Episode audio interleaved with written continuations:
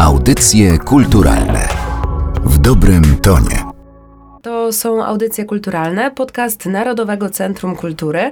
Przy mikrofonie Aleksandra Galant. Dzisiaj przeniesiemy się do Krakowa. W Krakowie od 26 października można oglądać wystawę Helena Rubinstein, pierwsza dama piękna. To jest ekspozycja przygotowana przez Żydowskie Muzeum Galicja, a dokładnie przez kuratorów, panią Kingę Banasik, dr Edytę Gawron i pana Tomasza Struga. A ja mam tę przyjemność, że zaproszenie do dzisiejszego spotkania przyjęła pani Kinga Banasik i pan Tomasz Witam w audycjach kulturalnych. Dzień dobry. Zupełnie niedawno obchodziliśmy dwie ważne rocznice związane z Heleną Rubinstein. To było 150-lecie jej urodzin, a także 120-lecie marki, którą ona założyła, marki Rubinstein. Rozumiem, że to były takie dwa główne powody, żeby tę wystawę akurat w tym momencie otworzyć, ale tak się domyślam, że praca nad przygotowaniem tej ekspozycji trwała dużo dłużej, no bo ten życiorys jest niezwykle bogaty, przebiega przez kilka kontynentów, no i po drodze pojawia się mnóstwo ludzi z tą najważniejszą centralną postacią, jaką była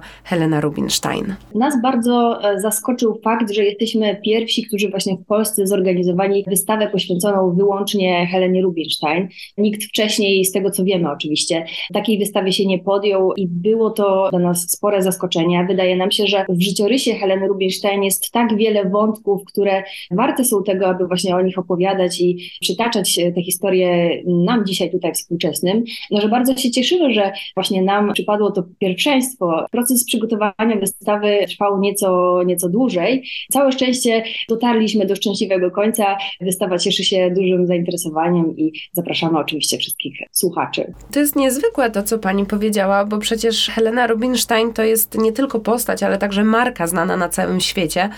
O samej Helenie zdaje się, że mówiono, że to była najbogatsza kobieta swoich czasów, niezwykle przedsiębiorcza. To jak to się stało, że mamy 150-lecie jej urodzin i okazuje się, że po raz pierwszy powstała tak kompleksowa wystawa przybliżająca jej postać. Jak tylko zaczęliśmy pracę nad tą wystawą, to od razu pojawił się bardzo pozytywny feedback. Przebiegał dwutorowo. Jedna część była taka, że o super, że ktoś wreszcie robi wystawę o Helenie Rubinstein, bo przecież to jest tak ważna postać, szczególnie w kontekście Krakowa, szczególnie w kontekście historii i kultury żydowskiej w Polsce. No a z drugiej strony to dokładnie to samo pytanie, które pani zadała. Dlaczego robicie to dopiero teraz? Myśmy w kontekście tych dat i rocznic zaczęli pracę nad tą wystawą już jakiś czas temu i być może ona otwarłaby się lekko wcześniej, gdyby nie sytuacja pandemiczna, która gdzieś tam po drodze się nam przydarzyła. Pierwsze przymiarki do robienia tej wystawy to był już 2017-18, więc być może trochę szczęśliwie się złożyło. Teraz oczywiście żartuję, że tak to wygląda, bo te rocznice rzeczywiście są istotne. Jakby one pokazują, że to jest nie tylko dobra biografia, ale też znakomita marka, która utrzymuje się na rynku przez tak wiele dekad. No, jesteśmy zaskoczeni, że, że nikt wcześniej tej wystawy nie zrobił. Słyszeliśmy, że przynajmniej kilka instytucji myślało o tym, żeby taką wystawę zrobić, więc trochę, trochę szczęścia też mamy, że byliśmy pierwsi. Wystawy Helenie Rubinstein były pokazywane w Stanach Zjednoczonych, były pokazywane w Australii, była pokazywana wystawa w Paryżu i była pokazywana wystawa w Wiedniu. I z tą wiedeńską wystawą tak naprawdę związana jest ta nasza. Muzeum Żydowskie w Wiedniu przygotowało wystawę, na podstawie której my zrobiliśmy swoją, swoją wystawę. I część obiektów na tej wystawie to są obiekty, które pochodzą z kolekcji Muzeum Żydowskiego w Wiedniu. Zaraz będę Państwa pytała o obiekty i konstrukcję wystawy, natomiast e, przejdźmy może do samej Heleny Rubinstein. Oczywiście to było bardzo intensywne i bogate w wydarzenia życiorys, no ale sami Państwo powiedzieli, że Żydowskie Muzeum Galicja w Krakowie jest pierwszym muzeum w Polsce, które tę sylwetkę postanowiło przybliżyć, no bo też tutaj w Krakowie wszystko się zaczęło. Zdaje się, że zaczęło się od matczynego mazidła, którą matka, czyli e, Gitel, kremowała twarze wszystkich córek, a miała ich chyba aż osiem, chcąc w ten sposób zakorzenić w nich tę dbałość o, o cerę, dbałość o siebie, kobiecość, no ale chyba nie było to zupełnie takie bezinteresowne, bo też chodziło o to, żeby te córki udało się wydać za mąż. Nie jesteśmy wcale pewni, czy faktycznie matka jakiekolwiek swoje mazidło miała i faktycznie uczyła te swoje córki, aby o urody dbać właśnie w taki sposób, że nakładała im na twarz właśnie ten krem. Natomiast faktycznie ta przygoda z pięknem Helen Rubinstein zaczęła się właśnie w Krakowie Krakowie. Pomimo tego, że ona sama, jak się okazało w trakcie przygotowywania naszej wystawy, w Krakowie się nie urodziła, tylko urodziła się w Podgórzu, które wtedy było oddzielnym miastem od Krakowa, to jednak e, większość młodości i dzieciństwa przyszłej Heleny Rubinstein to jest właśnie Kraków i tutaj właśnie dzielnica żydowska na Kazimierzu. Gitel na pewno miała duży wpływ na swoje córki. Tak jak pani wspomniała, faktycznie córek było osiem. Dzieci na świecie pojawiło się dużo więcej, ponieważ dotarliśmy do dokumentów, które twierdzą, że Gitel urodziła aż 14 dzieci. Jednak właśnie tylko 8 e, córek dożyło do wieku dorosłego. Te córki uczyły się, jak o tę urodę dbać. Dobre zamąż pójście było bardzo istotne. Ta dbałość o urodę e, miała w tym właśnie dobrym zamąż pójściu pomóc. Można powiedzieć, że swoje korzenie ta właśnie marka Heleny posiada tutaj w Krakowie. Natomiast oczywiście faktycznie firma Heleny Rubinstein została założona dopiero w Australii. Krakowska jest legenda tej marki, bo jakby nie mamy wątpliwości, że Gitel Rubinstein rzeczywiście wpajała swoim córkom pewne zasady dbania o urodę. Podejrzewamy, że nie istniał reklamowany później przez Helenę Rubinstein legendarny krem Valazé jako pewien produkt funkcjonujący na rynku krakowskim, jako produkt, który miał rzekomo przygotować, wynaleźć, produkować węgierski lekarz mieszkający w Krakowie, dr Likuski. Nie ma śladu po tym lekarzu w, żadnym, w żadnych dokumentach, nie ma śladu po tym kremie przed 1902 rokiem, kiedy Rubinstein rzeczywiście zaczęła patentować czy zgłaszać znak towarowy Valazé i kremu już będąc w Australii. Ona od samego początku swojej działalności biznesowej, od samego początku tworzenia swojego imperium kosmetycznego przykładała bardzo dużą uwagę do, do tego, jak o tych produktach mówi, po prostu do marketingu, do promocji tych projektów i to była świetna historia, która znakomicie się opowiadała w Australii, na drugim końcu świata. Jakiś legendarny egzotyczny krem z Europy Środkowej.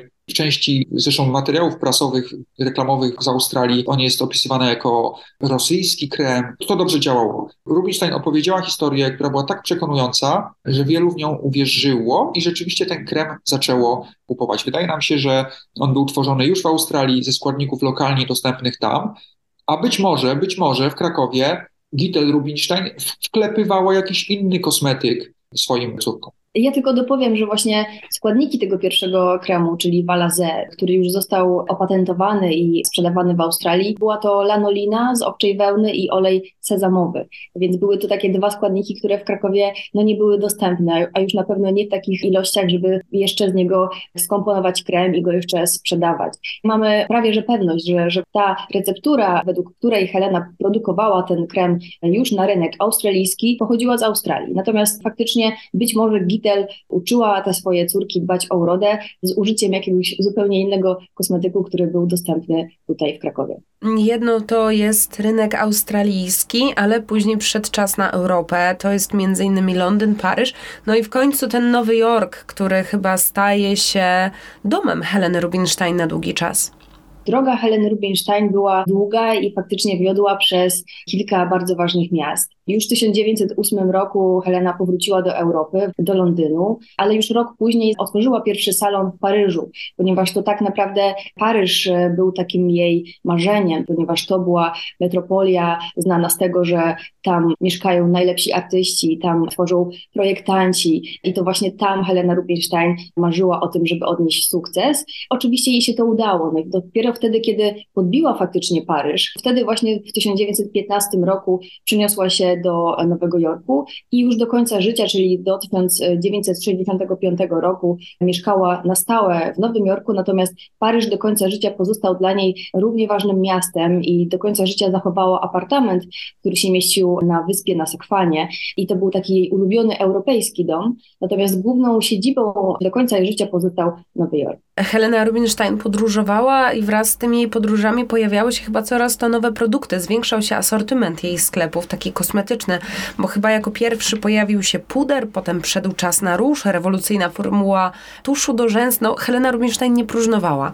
Helena Rubinstein nie próżnowała, jakby zaczęła od kremu, ale od samego początku jakby bardzo kompleksowo chyba widziała to swoją firmę, to swoje przedsiębiorstwo. Ona była pionierką prowadzenia tego biznesu kosmetycznego w taki sposób, że on jest oparty na salonach, na sieci salonów, które się znajdują w różnych miejscach na świecie. Ten pierwszy salon to był salon otwarty w Melbourne w 1902 roku, który okazał się na tyle popularny, że szybko zmienił lokalizację na troszkę lepszą w tym samym mieście. Wkrótce potem otwarła salony w Sydney, w Auckland w Nowej Zelandii. Cały czas jesteśmy na antypodach. Po powrocie do Europy to był salon w Londynie, też w bardzo dobrej dzielnicy Mayfair, który później zastąpiły kolejne salony. Powstał salon w Wiedniu, powstał salon w Paryżu, drugi salon w Paryżu, potem po przeprowadzce do Stanów, która zresztą wynikała z tego, że wybuchła wojna w Europie, więc być może Helena zostałaby na zawsze w Paryżu, być może Paryż byłby jej domem do końca życia, natomiast wojna sprawiła, że ona wyjechała do Stanów Zjednoczonych i tam to jej przedsiębiorstwo rozkwitło. Później również na fali tego powojennego boomu gospodarczego i wtedy właśnie była nazywana najbogatszą kobietą świata. Być może nie była najbogatsza, na pewno była jedną z najbogatszych kobiet świata. I tak, tak jak jej firma się rozwijała, to zwiększał się asortyment, produkowała coraz nowe kosmetyki, coraz to więcej kosmetyków było akceptowalnych przez rynek. Pojawiły się kosmetyki kolorowe,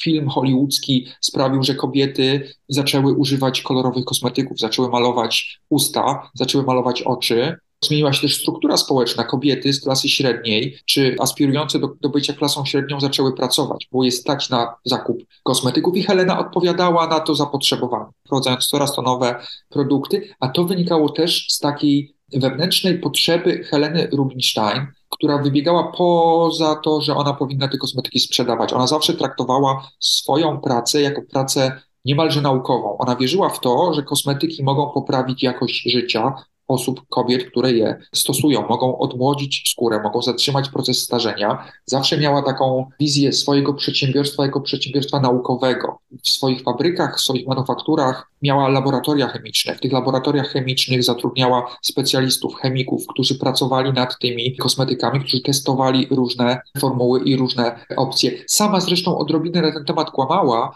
i przedstawiała siebie jako osobę, która w Krakowie studiowała medycynę na słynnym Uniwersytecie Jagiellońskim, co nie jest prawdą. Helena wyjechała stąd, kończąc zaledwie edukację w szkole powszechnej, tutaj na Kazimierzu. Kilka klas, całą wiedzę, którą zdobyła, to była wiedza zdobyta w sposób praktyczny. Być może później uczestniczyła na jakieś kursy doszkalające, ale też nie wiemy, nie mamy na ten temat pewności, natomiast nie mogła studiować medycyny na Uniwersytecie w Krakowie, między innymi dlatego, że to nie było dozwolone dla kobiet w momencie, w którym ona Kraków opuszczała. Ale lubiła się fotografować w kitlu, laboratorium czy jakichś chemicznych składnikach. Te kitle najczęściej wychodziły spod ręki najsłynniejszych projektantów mody, których ona poznała w Paryżu, których kreację nosiła, ale zawsze chciała być o krok do przodu niż konkurencja. Czasami to oznaczało, że niekoniecznie musi wynaleźć nową formułę, ale może ją kupić. Tutaj Kinga pewnie może opowiedzieć o, o tym tuszu do rzęs, bo będzie więcej wiedziała ode mnie na ten temat. W latach 30. Helena Rubinstein kupiła licencję na wodoodporny tusz do rzęs od e, kobiety, która w Wiedniu opracowała właśnie formułę takiego tuszu. Była to Wiedenka Helena Winterstein-Kamberski. No i tak jak wspomniałam, Helena w latach 30.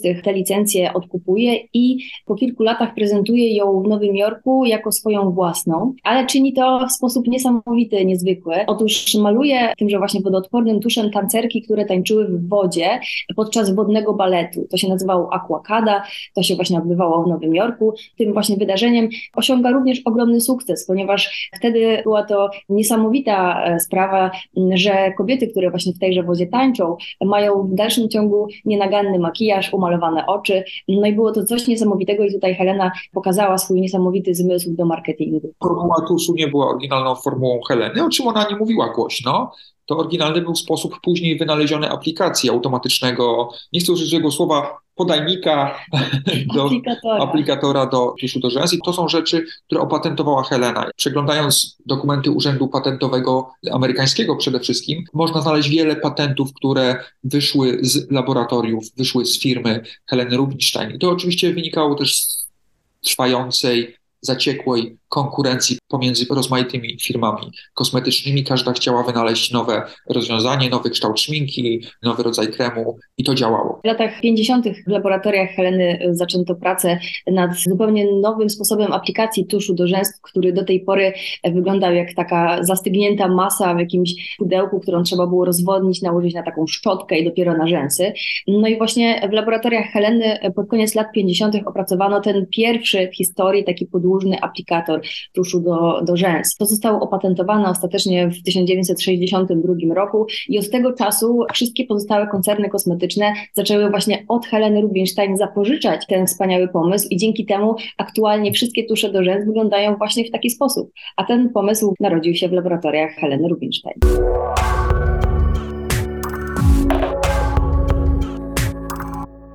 Jaką osobą Państwa zdaniem e, była Helena Rubinstein? No bo mam wrażenie, że już do tej pory z naszej rozmowy wynika, że to była osoba niezwykle wytrwała, osoba, która bardzo mocno trzymała się swoich postanowień, celów, która była taka niezmordowana w poszukiwaniu nowych rozwiązań, ale z drugiej strony wydaje mi się, że no, to była też taka tyranka i choleryczka, lekko mówiąc. To chyba nie była osoba, z którą łatwo się współpracowało i na poziomie zawodowym, ale też takim prywatnym, no bo życie prywatne również miała skomplikowane. Zdaje się, że Elizabeth Arden, która wówczas mogła być traktowana jako jej konkurentka, mówiła o jej firmie Polska Mafia. Helena Rubinstein do pomocy w prowadzeniu firmy ściągnęła czy zaangażowała nie tylko swoje siostry, ale też rodzinę swoich sióstr. Według dokumentów, do jakich dotarliśmy, naprawdę bardzo wiele osób spokrewnionych z Heleną pracowało w jej firmie na przestrzeni tych wszystkich lat, zarówno jeśli chodzi o siostry, które po kolei przejmowały stery kolejnych oddziałów marki Helena Rubinstein,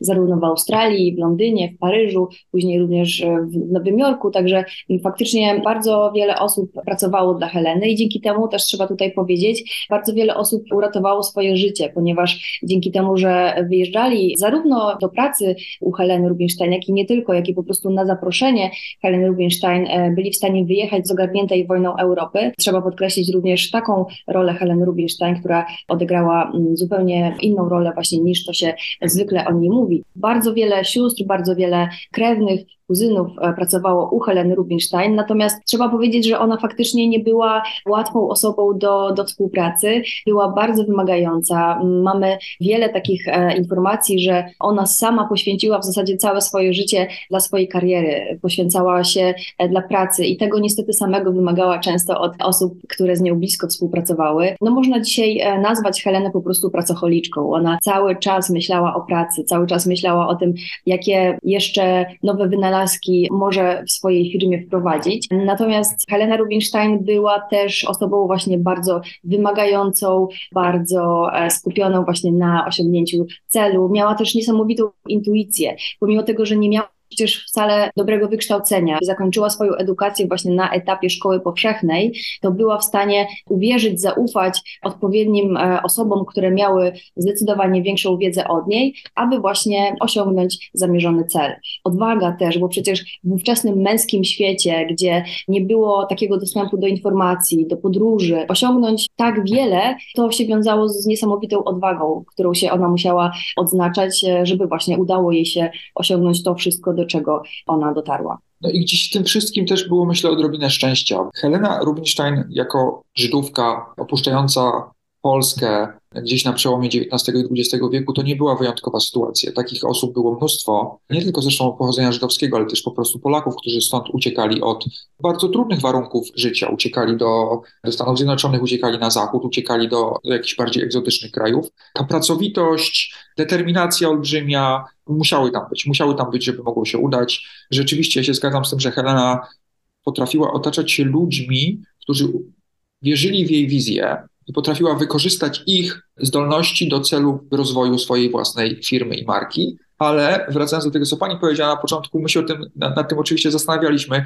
i tutaj padło takie stwierdzenie w jednej z rozmów, że nie chcielibyśmy, żeby Helena Rubinstein była naszą szefową. To wydaje się zrozumiałe w kontekście wszystkiego, co Państwo powiedzieli. Wróćmy zatem e, do Krakowa, wróćmy do Żydowskiego Muzeum Galicja. Państwo właśnie Helena Rubinstein na wystawie przybliżają, pozwalają ją lepiej poznać. Co na tej wystawie udało się zgromadzić, bo materiałów, pamiątek zostało chyba całkiem sporo, biorąc pod uwagę, że no, Helena Rubinstein prowadziła w pewien sposób wystawne życie. Jej obrazy malował Pablo Picasso czy Salvador Dali. Z jednej strony tak, faktycznie Helena zgromadziła ogromną ogromną kolekcję przeróżnych dzieł sztuki, natomiast niestety trzeba przyznać, że ta kolekcja się w zasadzie rozpierzchła po całym świecie niedługo po jej śmierci, ponieważ została sprzedana na serii aukcji, które zostały zorganizowane niedługo po jej śmierci, także nie ma niestety żadnego takiego miejsca, które gromadziłoby jakiś większy zbiór e, jej kolekcji, tylko właśnie wszystkie te e, obrazy i dzieła sztuki są teraz własnością bardzo wielu przeróżnych instytucji. U nas e, na wystawie